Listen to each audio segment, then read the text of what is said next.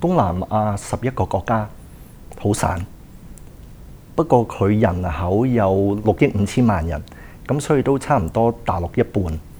美國嘅兩倍，因為我哋 Getlinks 係嗰邊最大 number one 嘅一個請人 IT 平台，咁所以我哋會見到好多公司本地請人，甚至喺東南亞點樣可以幫翻出邊國家去做嘢嚇。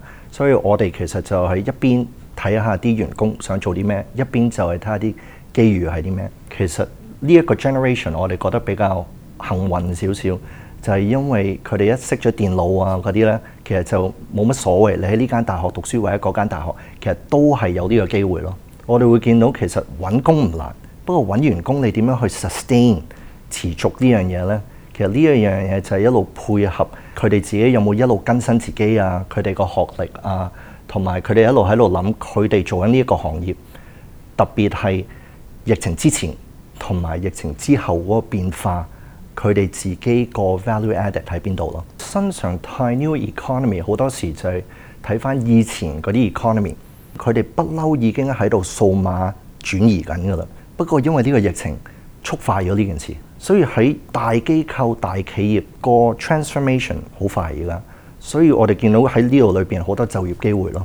香港都一路喺度轉變緊，咁香港一路轉變緊嗰陣時，其實就係可能大灣區同埋東南亞嘅一個好好一個橋梁。咁喺呢個橋梁裏面行緊 digital transformation 嗰陣時，會真係做咗好多新嘅就業出嚟。咁我哋其實其中一部分就係話點樣幫一個以前可能讀緊會計嘅，不過新嘅市場係做啲咩呢？就係啊，原來你學多一兩樣嘢，你就可以變成一個做緊新業態嘅一種咁嘅人啦。一带一路不嬲就话，譬如中国啊、东南亚、欧美啊嗰边，我哋不嬲成日听好多呢啲嘅关系。不过有时真系要集中翻喺一个 event 里边，先至真系了解里边系啲咩咯。咁有一个机会可以俾我哋即系从高望翻落去个机会喺边度。Bill and Roll 今次都好啱时候，同埋俾大家睇到冇办法，一定要 adapt 一个新嘅方式。係嘛？以前当然就系面对面最好啦，呢啲 event。不过而家。啊！變成一個 online version，其實都有好多方法可以遇到唔同嘅人嘅，其實。